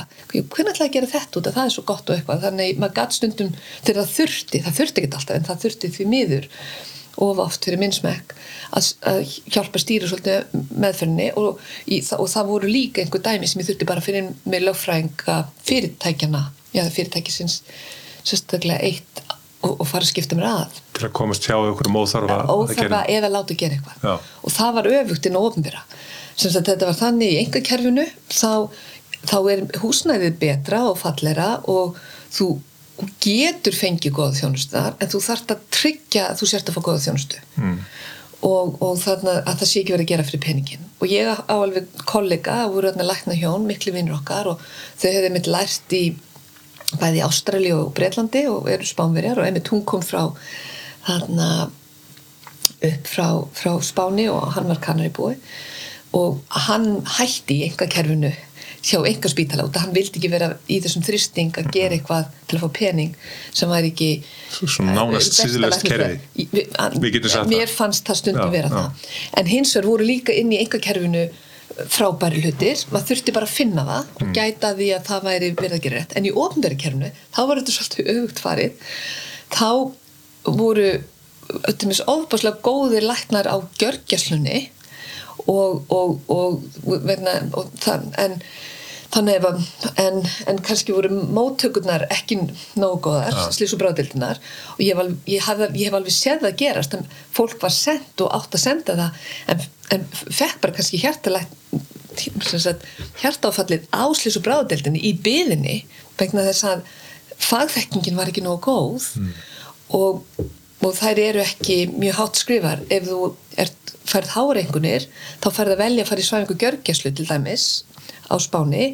En þetta er ennþá þannig, þetta er að breytast. Og það voru líka góði læknar og slís og bráðmáttökum en slís og bráðmáttökunar voruð á þessum tíma sem ég var. Þá var það eiginlega fyrir þá sem kannski gátt ekki komið sér áfram eins í læknisfræðinni eða átt eins auðvöld með tilengar sér góður læknisfræði. Þannig að þetta gáttu verið stundum sker í staðir. Mm. en svo stundum hittum að frábæri læknar sem voru að gera sitt best og kunnuta vel mm. og þetta var að breytast. En þess vegna þurfti maður að gæti svolítið að og, og svo komst, svo þegar ég var byrjað að fást og vernda fólkið á spítalunum að þá sá ég til hvað skipin var þar. Þá var ég, akkur við gerðum ekki þetta og þetta og þetta strax? Þá hefði verið hægt að gera þetta betur og þá, þá var kannski búnaðurinn ekki þekkingin ekki til og þá fór ég bara að koma með búnaðin inn og færa þeim þekkinguna og kenna og þá var líka hægt að ringi í mig ef eitthvað kom mm. upp á. Þannig, þannig að ég var bara að gera alls konar. Kristinn, þú bjargaði öruglega mörgum mannslífum. En þú sagði við mig að þegar þú varst þáttan niður frá þú hefði bjargað einu mannslífi rúsnesku, rúsnesku manni, sjómanni. Það, það, það, það er sagað að segja frá því. Já, það var önnuferð sem ég fór til Afriku það var ég, ég var bara að, að koma strákunum í skólan og, og ég, það var bara ringt í mig og, og hérna og ég beðin að koma strax og þannig ég var bara í mínum fötum og ekki búin og ekki meðneitt þannig og þarna og þá hefði einhver lendi í, slís út á sjó og maður meðnundulaus og, og þetta var stórt slís og maður meðnundulaus og ég var alveg byttur haldið því að það sé eitthvað fyrir okkur að berga er hann, ef mann er valla með lífsmarki viljið og við þurfum að skoða þetta vel hvað hægt sé að gera og, og er hann með lífsmarki? Menna, ég fekk bara að það er einhver sem væri ekki að þeir fundi það ekki alveg strax. En svo bara, voru málinn skoða og hann var með einhvern púls og hann var að anda og þeir vildi allt til þess gera og það verði að fá hrósa öllum íslensku gerðum sem ég vann fyrir þarna sögur frá að fyrsta sem þeir gerðu þegar keftin í skip var að tvöfalda mataskamt mannana um borð og áhafnana. Mm. og það tók tíma að segja við þá þau þurfi ekki að sita þau í vasan eða fara með inn. Mm. þau fái meiri mat og eftir. Þurfi ekki að hamstra matin þarf ekki og ég fór hann nýr á höfn að, og ég, minn, ég sá alveg nútíma þrælahald mm. hjá öðrum útgerðum. Og þarna var, var engu til sparað varðandi aðbúnað mannanu um borð allra og frá óháð hvaða þjóðum mm. er komu mm. og, og það var þannig að það var fleiri en þessi og það voru fleiri sem voru mjög mikið slasaðir og ég var að sinna inn á spítala og komu austanað frá Rúslandi eða innan Júkranju eða mm. þessu, og, og þá sögðu þeir við mig, ég menna heima þá, þá var aðrir áhafnum meðal mér sögðu bara við mig, heima hefðu bara við sett inn í herbyggi og hlutin lefti bara ganga sinn veg. Svona hefði aldrei sjúklingurinn hefði bara verið skilin eftir. Í raun og veru. Já.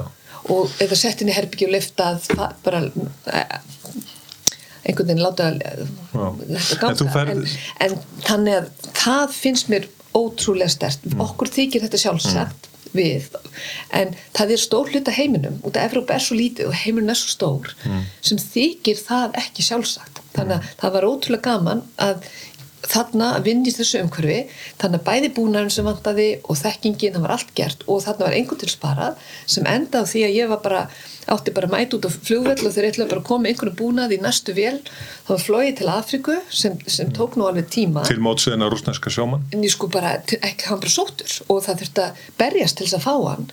Þetta var ótrúlegt, það það var þannig að þá var bara, þeir sögðu það væri einhver akkubúnar sem var sendur í vél og, og, og það var, var útvegar hjúknufræðingur til að fara með mér sem bara verið tekin upp af spítala af slís og bráðadeild á leiðin út eftir. Og við, ég bara mætti í vélina og það var bara flóið í enga þóttu beint til Afriku og, og það tók einn eða tvo tíma þangar sem vorum að fara, við fórum til Dakla þá sem er til, hvar? sem er, er í raun og veru þá er það Marokko mm, annars, annars var ég meir í Máritanju en Mm. þetta var ferð til Dakla og þá þurfti að koma okkur sem sagt, af vellunum og neyra á höfn þannig að maður fór með sjúkrabílnum neyra á höfn. Og síðan var, þurfti lítið skip að sigla með hann í land þannig að við tókum við hann þar. Fórum inn í sjúkrabílinn og svo var farið með sjúkrabílinn og þá, þá glemdi ég að ég var kona og hvað þá í Arabalandi að ég þurfti Ljósarð kona. Já, í þokkabót og blá eigu með þennan stimpil sem því fylgir. Já. en ég bara glemdi því vegna þess að þegar við áttum að beigja inn á völlin þá tóku þeir ekki vinstri beigju heldur hægri beigju þá vildur fara með hann á spítalan til að fá peningin fyrir hann til að fá meiri pening. Maðurinn var meðöfnundilegs með mjög alvarlega höfuðáverka og andlitsbrot og ímislegt annað. Hann var mjög, hann var fjölslasaður og ég var með meiri í vélni úti þá, var ég, þá vissi ég hvernig það var hérna í, í Máratanju að þess að hvernig þetta gæti verið á sjúkursnu í Afriku og ég var með meiri í vélinni í búnanum og lifinu sem hefði verið rettað og tósað með okkur heldur en ég, ég vissi að er þetta hægt að sinna hann á spítalunum Þannig að þú varst með meira tólum og tækjum og lifið með eldur spítalan hafi í raun og veru, Já. já.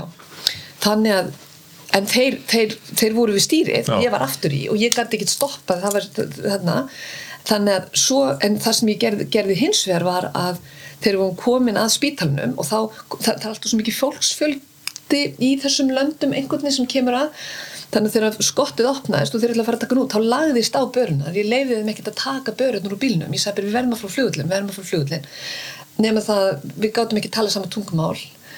Og ég var alveg búin að gleyma mentaskóla frönskunum minni, sérstaklega eftir ég læriði spænsku. Mm. vegna þess að þá ég bara greinlega með eina heilastöð fyrir latnesku tungumálin. Og þá var frönsku nýtt út og spænskan fór inn í staðinn. Og þeir voru tölu arabísku og frönsku en ég var bara nei bara út á hérna flugvöll. Og svo kom alltaf fleiri og fleiri menn og ég lá bara börunum. Til þess að bera um, sjúklingin út. taka, já, taka börunur út. Og þetta var meira svo, surrealist þannig að hjókunarfræðingun minn var kallmaður. Og hann sagði við mig eftir á í fluginu tilbaka, hann bara ég skildi ekki hvernig þú bara laðir í þetta. Og hann var ekkert að hjálpa mér. En þetta var ekki þessu. Hann var frábær í, í flutningnum. En hann var bara sem er önnur saga, ég held að Spánveri séu svolítið og sérstaklega hérna á Kanari svolítið sundur barðir, barðir niður eftir Franco sem er alveg önnur saga. Þannig að þeir, þeir eru ekki að challengera authority. Hmm. Að þarna Já, þeir brjóta sig ekki út úr þessum stjættarama sínum og, og einhvern veginn já, og- hann er ekki þórað það- það að hjálpa þér já, fólk er ekki eins og við Íslendingar sem þórum bara að koma og það Já. olgar í Þessi sjálfstæða hugsun. algjörlega, við, og það er, það er búið, ég held að Franko hafi drefið það niður Já. það, ég sá mörg dæmi um það En þú, þú, þú ert í lífsættu þannig í rauninni Eh, Nei, ég, eða, nei, vegna þess að þeir vissu það var stór fyrirtæki bak við mig með pening og einhvern veginn vildi fá peningin Mm. en þannig að ég, ég slapp með þetta en þetta þýtti það að það var alltaf verið að ná í fleiri flokk og alltaf voru 20-30 menn komnir og loks kom læknirinn og það sem af sjúkrásinu af sjúkrásinu sem sett út og, og ég bara trúði þess ekki við, veist, að við værim ekki að það væri verið að tefja svona. Og hann kom og þá gerðist eitthvað í heilunum að ég, ég gæti náði í smá frönsku hérna, mm. spenskan var ekki alveg búin á það. Og það er svona lítið svo á þetta litla hak út í mundi eftir um augnablikinu þegar ég var að fara í, í mentó og ég, ég, af ég er alltaf svona pínu launrebel í raun og veru og það voru allir vinni mínu að fara í tísku og ég sagði ah, æmyndir mennskar ég valdi frönsku. Þetta er litla kross.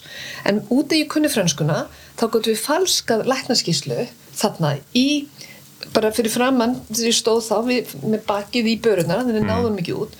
Og við fölskuðum skíslu á fransku ég bara sagði hann um það sem ég gatt og um áverkana og læknirinn að hann hafi komið að og ég kvittaði fyrir að hann kom að að. Þá fekk spítalinn penning og þá var þetta að losa hann frá og fara með hann í flugulun og fara með hann til Las Palmas og vinni í því virkilegna bjargunum. Mm. og þetta var mikið æfintýri og ótrúlega þakklátt æfintýri að þarna að, og ég, við, ég ver, við erum menn í sambandi Mm. og hann jafnaði sig svo miklu, svo miklu Hvernig ávarka, getur líst já, svona í hann Hvernig var, með, ávarka and, hann var andlitsbrotin og marg og höfukúpubrotin og með, með ekki með, með fullt hús, ef ég segi þetta bara læknisfræðimáli, mm. hann var með subdural og epidural og kontusjónur hann var sem svona blæðingar hérna undir himnu inn í heila og mar og þetta var hann er eitt af kraftaverkusögunum mínum og, og þetta, það, það viss allir og við hittumst og, og hann hefur svona leift mig að segja söguna mm. og hann var einn af þessum stóru duglu rúsum í, í þarna og eins og þeir eru og alltaf svolítið svona hér samfélag eins og þegar maður er að vinna með svolítið mm. og, og hann og ég held, ég spurði mig allan tíman verður hann þakklótur ég, ég held hann myndi ekki vera þakklótur fyrir þessar lífsbjörg, ég var ekki viss um þá ég vissi ekki eins og að þú helst að væri bara svo illa farin. Já.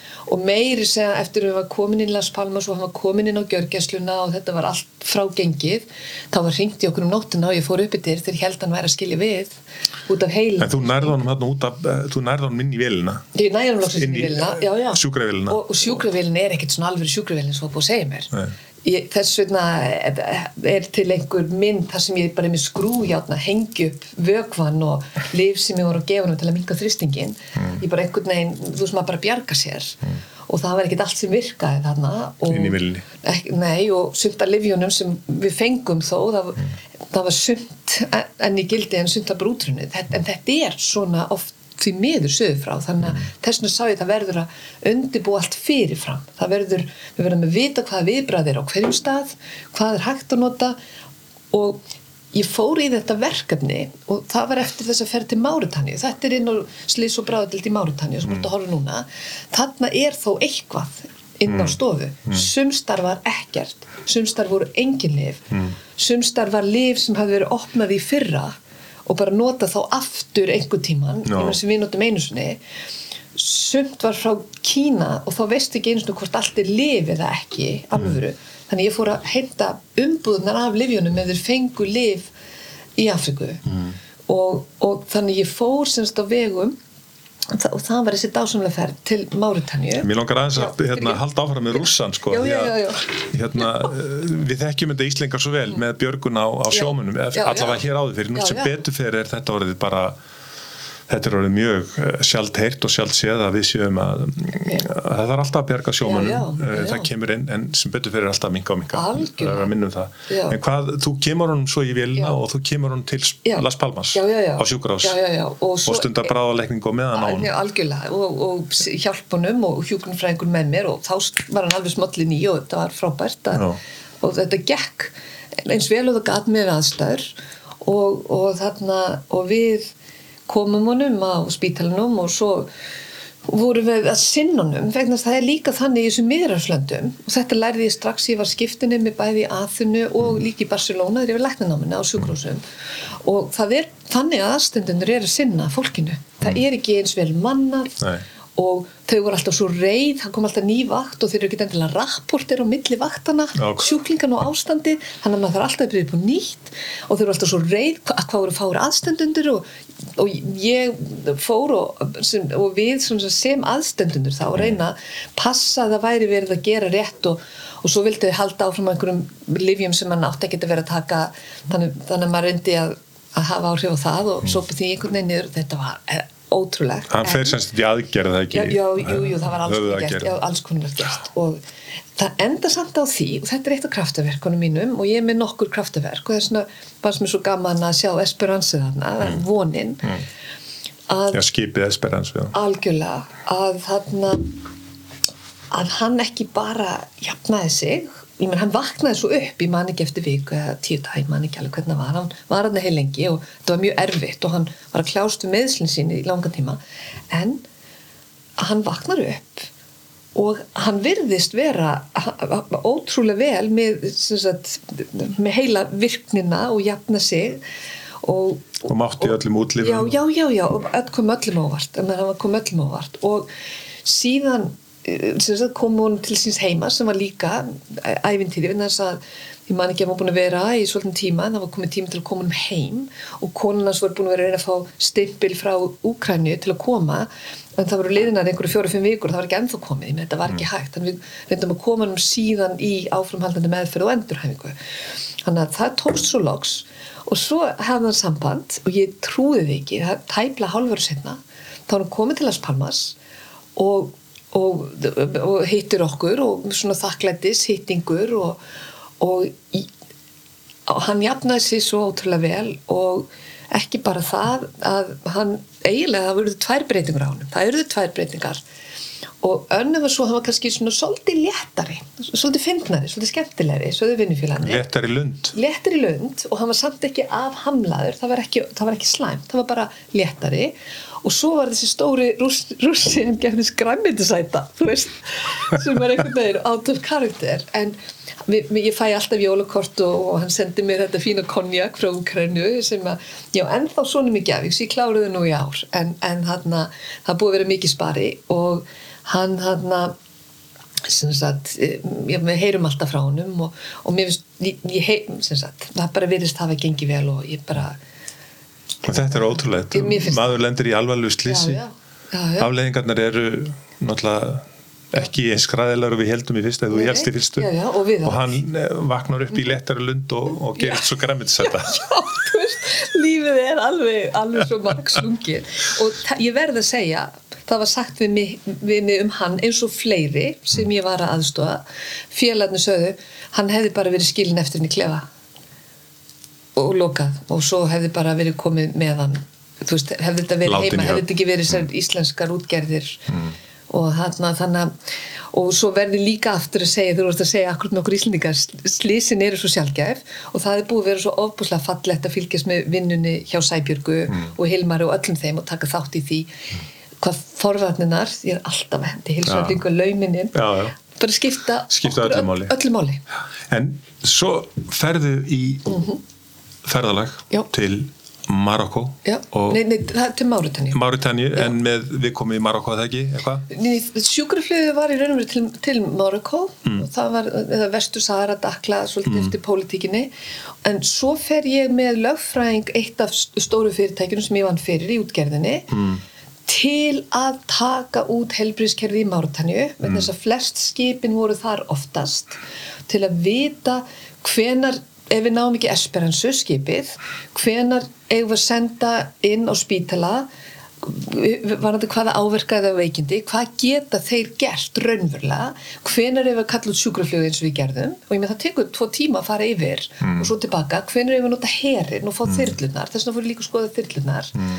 og með- voru, þeir voru með fjórar en þær voru náttúrulega við fengum þær hvenar eigum við bara hreinlega haldunum um borð en við erum bara búin að búa skipið það vel að við getum gert allt sem hægt er þangar til að kemur skipamóti Mm. þannig að það þurft að setja upp þetta viðbrað þannig ég fer raunverulega sem læknir fyrirtækisins og, og við erum að tala um þorp eins og hveragerði undan ströndum Afríku af fólki á vegamins íslenska fyrirtækja Í. Já, undan ströndum í, út á hafi og það, það gæti verið þannig tímafélag það voru 90 mann sem borði skipunum og ég meina eitt fyrirtæki var með 7 eða 9 skip og svo voru önnur fyrirtæki. Ég meina þetta var uh, þarna, og fjögur íslensk fyrirtæki þegar mest var. Þannig að þetta, þetta voru þetta var heil mikið að gerast þarna. Þannig að þú þurftir að ákveða hvena borgast, hvena er hægt að nýta sér hvaða viðbröð þess vegna fór ég til Afríku til þess að skoða að þarna sagt aðstæðinar og, og hérna, taka þær út og setja upp svona viðbragsplan En áður við koma að þessum Já. uh, aðstöðum, þarna, aðstöðun í, í Mauritaníu, Mhm. þá ferðu eðmerku ferð.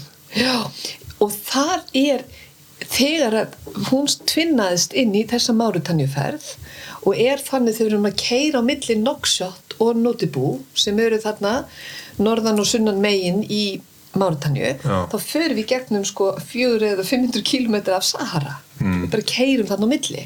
Og þetta er með tekið þarna úr, úr, úr Með- þessa á Sahara. Eitt tré og dýrin er að finna sér skjól og af, algjörlega og þannig er tre maður fór í gegnum og ég skildi ekki hvernig þeir þe- þekktu leiðina. Þeir beigðu bara út af veginum og keirðu bara yfir yfir sandin svona og þetta er svona miras þetta er bara tálsín, ég man ekki hvað þetta er á Ég þetta er bara sandur endalaus endalaus. og við bara keirðum og keirðum þannig á milli. Og eins og það er Íslendingar tala um tímaleist á Spáni ég, held að Íslendingar eru ekki bara að fara í sólina. Þeir eru að fara í einmitt þessa stemningu samveru og hvernig tíminn líður svolítið hægar og ég viðurkenni, ég meina mér fannst þetta með þegar við fluttum fyrst til Las Palmas hvað þau fann- fannst mér lítið tímaskinn og ég meina þau sögðu bara eftir mínútu en mínúta þýðir ekki, mínútun er á Palmas hún þýðir 20, þú veist bara það, það er allt annað, þarna við stoppuðum, þeir voru að gera vel við okkur, vegna þess að ég var lækni fyrirtækisins, hún var lögfræðingur fyrirtækisins, það voru tvær konur. Og þá, þeir voru að reyna að vandræðast með tvær konur í Araparíki, þannig vorum gerða heiðuskallmönnum Þannig að þeir fóru með okkur þannig gegnum eðmerkina á milli og fóru með okkur og buð okkur í hátísverð við endan á Sara í, inn í þessum svona beduina tjöldum á persneskum teppum. Mm. og þetta er allt á því svæði. Og, og þar var okkur bóðið í, í tjaldið þessi tjöld og við þarna sátum við á gólfinu og þau sögum við ætlum að stoppa í hátísverð og við erum komin í svo mikið tímaleysi að við förum og stoppum í hátíðsverð og þannig eru við fjögur, þessi tveir sem voru síðan með okkur að sína okkur um. Og, og við sátum þarna fjögur og fórum um úr skónum eins og maður gerir þegar maður kemur inn og sátum krossleggja. Og þar var okkur þjónað og hann var á hækjum sér. Í þrjá eða fjóra tíma að þjóna okkur í matnum, bara alveg á milli. Og hátisverður er ekkert hérna eins og ég var vön í vinnunni eitthvað þrjár mínútur að guffís og halda áfram. Og, og á ferð heldur var sest niður og verið og mér, mér fannst miður að matræðið vera samveru og hæg og lengi þá var þetta endalaust. Og þannig að við endum þarna og þetta var dásendar stund og mér fannst líka ég hugsaði um bakverkina og hugsaði um nárumeðslinn í alls konar og vestræna kvilla þarna var hann stór maður á hægjum sér og var bara á hreyfingu fullri ferð allan tíman Að að elda. okkur elda, rétt okkur þjón okkur og hann stóð ekki upp. Og svo, svo þessi rítúal með teð í lokin sem er alveg klukkutími. Og þarna stoppuðum við, ætlum bara að taka svona stopp og við á endanum svo kom síasta og, svona, og þeir bara hurfu arabarnir sem sá um okkur, þeir bara hurfu og þá voru við nokkra tími viðbátt í hátíðsverði og maður var bara nút við endamörk alheims þar sem Sahara mætir allansafinu og, og, og þetta bjargaði manni daldi að það væri svona svolítið vindur við ströndina þannig að þegar við stóðum fyrst út úr þessum loftkeldu bílum, við erum alltaf degruð þá leið mann eins og maður að stíga út í þurrkara Við erum að tala um hvað 40 stegi hitta 40 pluss, ég held að 40 mælinn fór í plús. 45 þarna. og þegar ég sá konurnar vera að vinna það sló mig alveg betur en að konurnar utan við tjöldin að vinna þar voru í ullarhönskum til að klæða af sér hitan mm. þannig að þetta, þetta var og ég skil þetta allt með slæðurnar og reyna svona að klæða af sér. Ég veit ekki hvort við getum kallað þessa menn beduína sem við erum með mynd hérna af, af kallmennum já, en maður sér að þeir eru mikið klættir beduínandir beduínar eru svona farand fólk það eru, þeir eru bændur eða hyrðingjaðir sem fara um Sahara Já. og fara niður að sjónum ákveðum tíma og svo fara þeir inn í eðumyrkina ákveðum Já. tíma svo ég kann nú ekkert útskýr út af hverju nei, nei, nei. en hérna en þeir klæða sem sagt af sér uh Mhm. hittan með ullar klæðum Já, það, er- þetta er, það er ótrúlegt að sjá þetta Já. En þú fer sem sagt þarna og tekur út uh, aðstöðu þeirra mm Mhm. helbriðis Já. aðstöðu, sjúkrás Mhm. og uh, það er nú ekki beysið þú getur kannski aðeins lísti fyrir okkur hvað hva, hva bar fyrir augu þegar þú kemur á staðin sko, bæði sjúkrabílar og, og uh, bráðamóttaka Já, já. Bráðamóttökurnar voru óskup berar. Ég- Það var, stundum var ekkert þar inni, bara ekkert. Og, og fólk satt og beið og ég veit ekki, ekki sínt myndir af því, en fólk satt og beið og ég, ég bara, mér finnst bara hvað við erum mikil forrendenda þjóð. Mm. og, og for, allir vesturlandabúar hvað það eru gífuleg forréttindi. Og mér varst gaman þetta er þarna inni og að sjá strákurna brosund og glaða fyrir utan en, en svo kemur maður þarna inn og þannig að ég, ég þarna það var, þarna er mikið inni Já, við erum með, með, mynd hérna Já. sem að segja okkur að hér er vaskur, hér er eitthvað rúm með uh, dýna Já, og svo er og- rennandi vatn en það er ekkit meir. Nei, og flestir skápar voru tómir. Og, og síðan hérna og það var svona í kjölfari á þessari heimsókn þegar ég, ég gerði mér grein fyrir hérna eimdinni og líka hvernig stundum hafa komið inn peningar en hvernig það er stundum svolítið misráðið þegar við erum að reyna að hjálpa. Já, og, og það voru til dæmis margir sjúkrabílar þarna í Márutanju, bæði í Noxjóttun útibú, margir sjúkrabílar. En svo fór maður inn í þá þeir voru allir tómir. Og, og það geta verið mjög langir flutningar. Fólk getur verið mjög lengi sjúkrabílar og það er svo mikið hægt að gera. Og 90% af læknisfræði er almenn læknisfræði það er almenni hluti sem gerir til þess að stiða fólk. Og það er sama með sjúkraflutningana. Í mínum huga, 90% er svona við köllum það basic flutningar. Og svo er, er kannski 5-10% þetta meira advanced sem þarf að gera meira. Og þess vegna og, og það var mitt líka fyrir líf hérna heima. Ég var svo lengi á neyðabilnum það var frábær tími til þess að bæði að læra og við halda þekkingu lækna og samstarfi við þarna, parametrikarna frábært hvað er hægt að gera á vettvangi það er hægt að gera mikið og byrja strax að, að hérna, gera hluti og undirbúa fyrir flutning og í flutning sem skiptur sköpum. Þannig að þetta er heimur sem ég þekki mjög vel. Og þannig að mér dætti í hugður ég er búin að sjá það, hvernig getum við gefið tilbaka? Vegna þess að ég sá það strax að ef við græjum nokkra sjúkraflutningsspíla það er nóg að græja bara nokkra með almennabúnanum og, og svo þegar það er búið og kenna þeim svona basic eins og við kallum það life support, BLS og það ég áður kendi líka í sjúkraflutningsskólanum þetta er bara vön því að kenna á báðum stígum að að ef við, ef við kennum þeim þetta þannig að ég kynntist auðvitað á ferðalagi mínu fólki sem hafði farið utan Afríku og við var verið að reyna að koma þekninguna heim og, og vildi og ég, myndaði tengsl sem maður, fólk sem maður tristi og, og ég sá þetta sem raunverulegt leið fyrir Íslendingana að gefa tilbaka. Þeir eru þarna út að veiða fiskinn og jú, jú, þeir borguðu kvóta og jú, þeir fengu það voru alltaf ákveðin hluta þá frá þeim landi sem fengi vinnum borð og svona, það var allskynns í þessu. En þarna þetta veri leið að byrja að útbúa basic bílana, grunn bílana. Sjúkrabíla. Já, og ég hitti þarna auðmann sem var einmitt í því að, að fulltrúi og svonur svona frelsisetju svolítið fyrirverandi frá Márutanju til að, að hvort hann hefði áhuga komið sér verkefni og hann kom í vinsinn sem var fyrirverandi heilbriðsráðura og, og við, við fundum saman hvort það verði ekki hægt að koma að svona verkefni og ég talaði líka við útgerðarna sem ég vann fyrir og fekk vilirði mm. en það væri hægt að koma svo almenna líka að fá svol, svolítið fjárminni og fá pening inn til þess að auka grunnbúna þetta, þetta verkefni mm. og svo kenna þeim og ég var búin að tala hérna við, við, við gamlan sagt, gamla kollega í slökkvilið í slökkun á höfuborgsfæðinu og, og fá vilirði og talaði við sviðstjóra þar um að fá inn kennslu frá þeim í þessum basic hluta. Það væri að þarna alveg svo þeir fóru út í alls konar verkefni. Þannig að þetta var svona komin reyfing á þetta.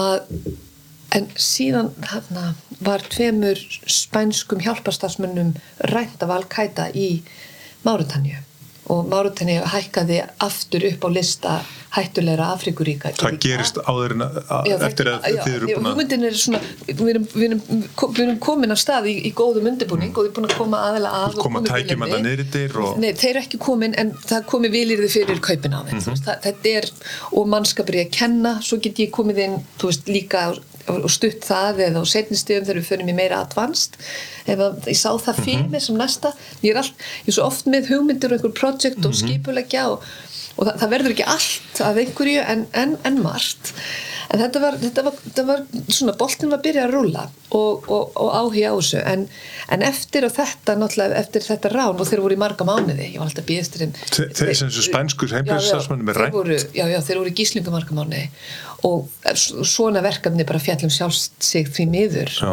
við þetta Þannig, en hvað varðum þessa sjúkra Nei, þeir eru þarna þá sjúkurbílarnir þeir, Nei, ég er að tala um spánurina sem voru reyndir Já, já, já, já þeir, eftir, ég man ekki hvort þetta voru sjöðu nýju mánir en þeir náðust svo tilbaka mm. en, en þarna en þá var bara ástandið orðið ótryggara og, mm. og, og, og landslæðið því miður breytt og mm. svona tækifærið því miður, Vi, við svona mistum af þessu tækifærið þá og ég ætla að vona, þess að nú eru liðin, ég menna það eru, hvað eru sex ár ég kom heim til Íslands en ég ætla bara að vona að einhverju aðrir hafa, hafa séð tækifærin í mm. þessu að, að, að, en, en þetta er svona leiðin með hvernig maður getur kannski komið með aðstóð sem maður skilur eftir sig mm. bara að kaupa græðnar það þýðir ekki úr með þekkinguna mm. og og þarna, og þarna eins og ég segi, einhvern tíma sá einhver það vantar sjúkrabíla, þá eru margi keiftir en svo vantar þetta að fylgja því eftir sem er ekki nærði einn styrt og sjúkbrílinni sjálfur en það er, það er að nýta tækin og hvernig á að, já, að já. Já, ég, nú, ég gefi mér það bara að, að þessi tól og tæki sem hafa verið inn í sjúkrabílunum og einhver, nei, það voru engin. En, en það getur verið að þeim hafa bara verið einfallega rænt. Já, já, týnst í tímans ás en, en það má líka verið, ég var að reyna að finna út úr þessu. Hm. En en ég fekk þau svör bara ég, það voru keiftir bara fyllt af bílum og þeir eru bara þarna mm. og, og, og það var ekki fyllt eftir þannig að mm. því miður eru svolítið hrettum að einhver góð hjartaður sett á stað, þú veist, að kaupa mm. og það fór mikil peningur en, en það vantæði þarna herslu munin En þegar maður er að tala um Afríku mhm. -huh. og uh, eins og til dæmis bara Máritani Máritani er ja, að ég held stærri en mið-Evrópa landsæði sem sagt uh, Mauritania. Munstæra held ég. Þannig að við erum að tala um gríðalega vegalindur alltaf í Afríku. ég fann fyrir vegalindunum og við erum líka að tala um alveg gríðalega hérna mm, sko ég minn þetta er meira og minna eðumörk Mauritania. Já, mjög, mjög mikið, mikið. En þú fóst uh, til Marokko líka.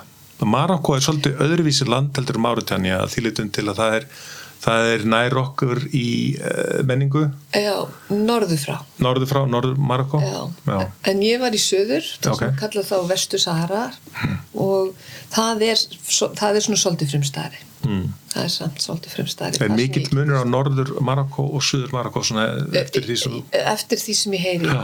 ég heyri það, það er heilmikill munur Þá matur og, og... Sko, allavega þeir eru komnir, þeir eru nær Evrópu, þannig hmm. norðurinu heldur sem söður frá gríðarlega fallet land Marokko já, nei, ó, ó, ótrúlega fegur þarna og, og fegur í fólkinu og mér fannst svo sætt, kom þarna mynd af strákunum í fótbolta fyrir þetta spítalan og, og þarna, þetta er bara þeir á allstar sem ég fór og þetta er svona sló, svona minning að þegar ég var að horfa og fara í gegn og það heilsallir og það brosa og maður upplifir þetta svo stert og þannig voru strákunir í fótbolta að, ég, ég fór líka frá Íslandi áður en ég fór út og ég fór nokkur sinnum út að ég var sett sem líflæknir Hóksins, Hóksins skákfélagsins og skipið í það þannig að það leti um til Grænlands.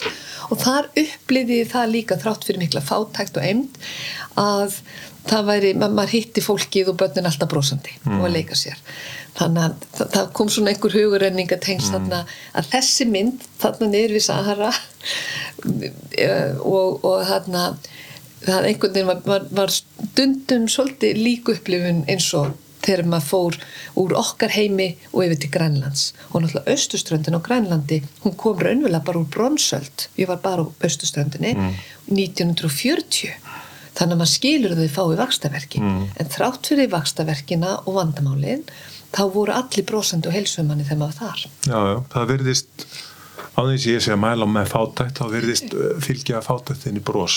Já, e, það, allavega hjá börnun já og, og maður, En- virðist sjá það oft en ég held við, við gleymum bara þannig að ég vildi bara svona minna á, minna á þetta.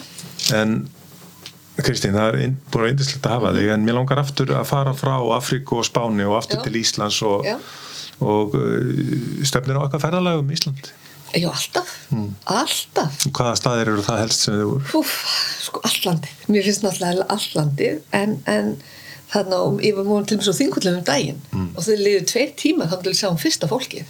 Og svo liður tveir tímar þá til að sjá um aftur fólk og það var sama fólki aftur. Já, þetta var kannski eins og að vera í Sahara. Já, svolítið, svolítið en svo hérna nei, nei, allt er frábært og, og, og, og næsta kannski og gönguferðir að fara aftur í Lónsuræfi og á það svæði sem ég lakka mikið til. Og meiri að nýta okkur það áður að keira Suðurlandið rólega og gista á leiðinni og fara svo norðurleiðin tilbaka og taka fyrðina og fara upp á Möðrudalsuræfi og, og, og Norðurlandið og taka lengri leiðina tilbaka þannig að það, það er og, og, og meira þess að bara, já á eftir er ég að fara á Snæfellsnesið og verð fram á sunnudag. Og svo og ég, er gestafyrirlesari þar um, um segl og streit og lífið og einhverju gunguleiðsögn og svo fyrir ég að, já, kem ég einn dag eitthvað að fyrirles og svo fyrir ég daginn eftir og þá er ég með námskeið með Gíðudröfna á Grímsborgum fyrir austan fjall fram á föstudag. Þannig að já, Þannig að þú ert farin að miðla þinni reynslu og Já, já. bæði sem bara þú, Kristín og svo bara út frá læknisfræðilegum forsendum og sjá hlutina í viðu ljósi til heilsueflingar og líðhelsu. Já, já, það er, það er indislegt að taka þátt í því og hvað þá á, á þessu indislega landi okkar og með góðu fólki. Að ferðast um landið, fljóta og njóta. Algjörlega, Fljó, fljóta og njóta, þetta er gott. Ég þarna, ætla að hugsa til þess næstur ég séð í sjónum. Já. Það er nú bara svo leis. Kristín, þakkar innlega fyrir. Já, takk fyrir mig, söm leis. Hm. Gaman að rifja upp þessa ferðilega með þér. Já, Gleslegt. já, takk. Já, sáttur. Fóru já, já, aldrei.